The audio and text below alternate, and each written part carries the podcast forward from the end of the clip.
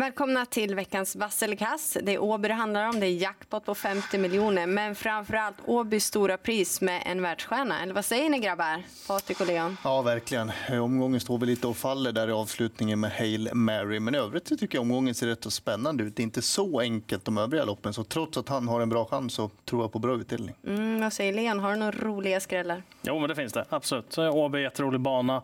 Eh, den dubbla open stretchen gör att det kan hända saker mitt i loppet och också kanske att man kan ladda från lite tuffare läge då, om man har 7-8, att man ändå provar för att hitta ner till sargen. Så att, eh, det ska bli kul. Vi börjar med en favorit från bakspår faktiskt. 11 Unico Broline, Erik Adielsson. Kommer de hinna fram i tid?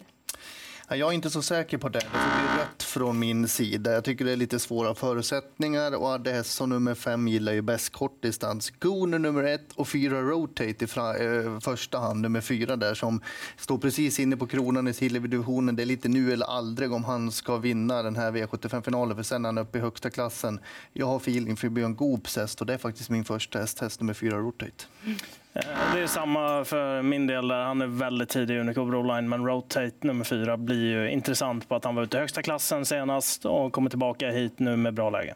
Det kan ju ändå bli elitkörning inledningsvis jag tycker att det är rätt favorit för Unico Broline är bästa hästen. Spåret kan ställa till det och då är det hästarna som ni har sagt, fyra Rotate och nummer ett Gooner. Men rätt favorit, tänkbar spik, vet inte om jag vågar. Nummer 12, Run Cola. Bra läge för Magnus A. Djuse. Och Mattias Djuse vet vi har formen. Eh, kommer betala för många i det här loppet. En av dem är nummer tre, JS Peaky Blinders. Hela paketet på nu. Mats Djuse upp, väldigt spännande. Jänkarvagn runt om och norskt huvudlag också. Med en häst som har väldigt bra inställning och brukar få ganska jobbiga lopp i tredje spår. Så den plockar med tiden, men det är bara en av många. Mm, det är just det. För jag tycker kanske, förlåt, Rannekola ska vara favorit. Det är barfota runt om amerikansk sulk för andra gången. Men jag litar inte på någon i det här loppet. Alla blir röda. Tycker det är roliga hästar. Nio Rampant vann första segern i karriären senast. Kan bli ketchup-effekten. Och sen fyra Lamerida blir kuskförstärkt med Erik Adielsson.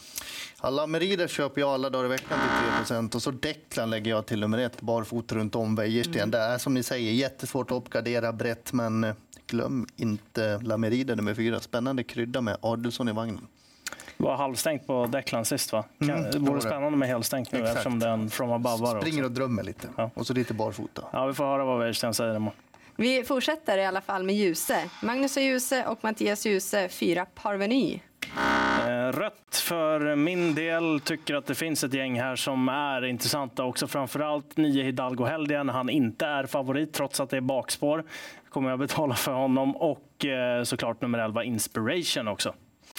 Ja, jag eh, måste göra sådär. Hidalgo Helgia är ju faktiskt en bättre häst tror jag. Nu har han aldrig förlorat från ledningen. Parveny, det ser bra ut för ledningen och så vidare. Men två hästar man måste ha med, det är framförallt Hidalgo Helgia. Sen Midnight Special nummer ett rätt så startsnabb, kan smyga med, spurta till slut invändigt utvändigt. Häst i toppform. Jag vill inte spricka på den till 4% Ryggledaren och slut? Ja, men lite så kan det vara.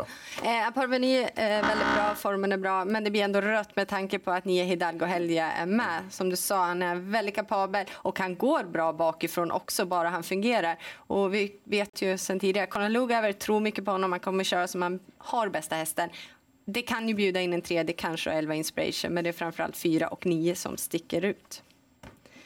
Sen byter vi radarpar. Då blir det eh, nej, Claes Sjöström. Örjan Kihlström får nöja sig med andra hans favorit. Men det är i alla fall Daniel Redén och Sex Faisa Set som är favorit. Eh, det blir rött. Här vill jag ha med flera stycken. Nummer ett Biscuit, jättelite spelad. Barfota runt om, kan få kanonlopp därifrån. Och eh, har ju rätt så bra tider i sig också. Jag tycker den är spännande från lite open stretch och, och där. Sen eh, är jag ju väldigt sugen på 12 Nina Ginto också och såklart eh, andra handen där Sanella också, nummer 14. Claes Sjöström missade ju starten lite senast. Ändå vann man då efter en rätt så tung löpning. Tror man kan komma till ledningen nu. Tycker att det är ett favorit. Jag tycker att hon står väldigt billigt inne på pengarna. Jag tror att det är en riktigt bra häst. Hon får faktiskt grönt av mig. Mm, jag tycker hon är lite för mycket spelad, även om det är Claes Sjöström och Faiz som sitter på leken. 14 eh, Sanella gillar eh, henne. Svårt läge med Kihlström. Han har faktiskt löst värre uppgifter. Sen är det så många roliga där bakom. Fyra Load, Leila och kanske då 11 Madame av Djupmyra. Thomas Pettersson eh, känns lite ostoppbar för dagen. Minimalt va? Ja men eller hur. Skulle kunna gå.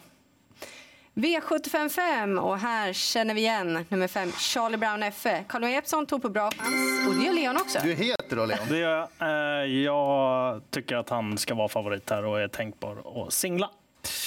Ja, jag håller med. Jag tror att han har bra chans att komma till ledningen i det här loppet och då blir han svårslagen. Han spurtade bra senast. Det var lite hack i skivan i sista sväng. Han fick börja om, men sen var spurten bra. Det är helt annat motstånd nu. Bra chans. Tror du han kommer till ledningen? Skulle jag. Jag skulle möjligt, men han kan även vinna utvändigt. Han har ju varit så stark också. Jag måste säga det också, jag tror det. Han eh, har en fyra som resultat senast, men det var en häftig spurt han bjöd på.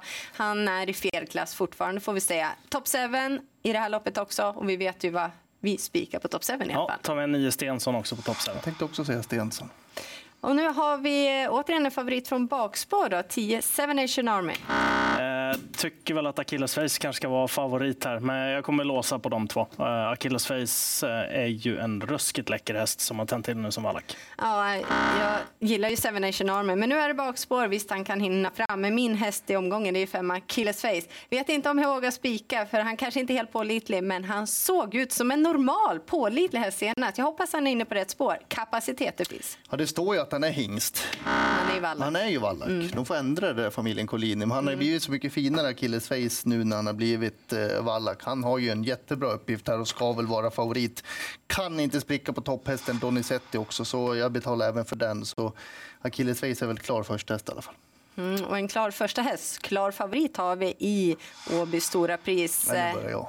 Ja, det är Hail Mary. Tryck vad du vill. Där ska du tycka rött? Nej, nej. nej. Eh, han blir grön. Han eh, är en världsstjärna. Nej! Ja, han är supergrön i alla fall. Man får som Adelsson Sitter han i ledningen direkt? Ja. Ja, vad, jag, vad tror, tror jag, tror han gör det. På ett eller annat sätt tror jag att han gör. Han är tillräckligt snabb för att hitta ut. Senast tog Örjan, det var inte så jätteviktigt lopp. Nej. Nu är det ett viktigt lopp. Då är det Örjan som kör lite. Och det finns ju ingen startkatapult utvändigt. Charles F, Hail Mary, där är vi verkligen överens. Stort lycka till i jakten på miljonerna, jackpot-miljonerna.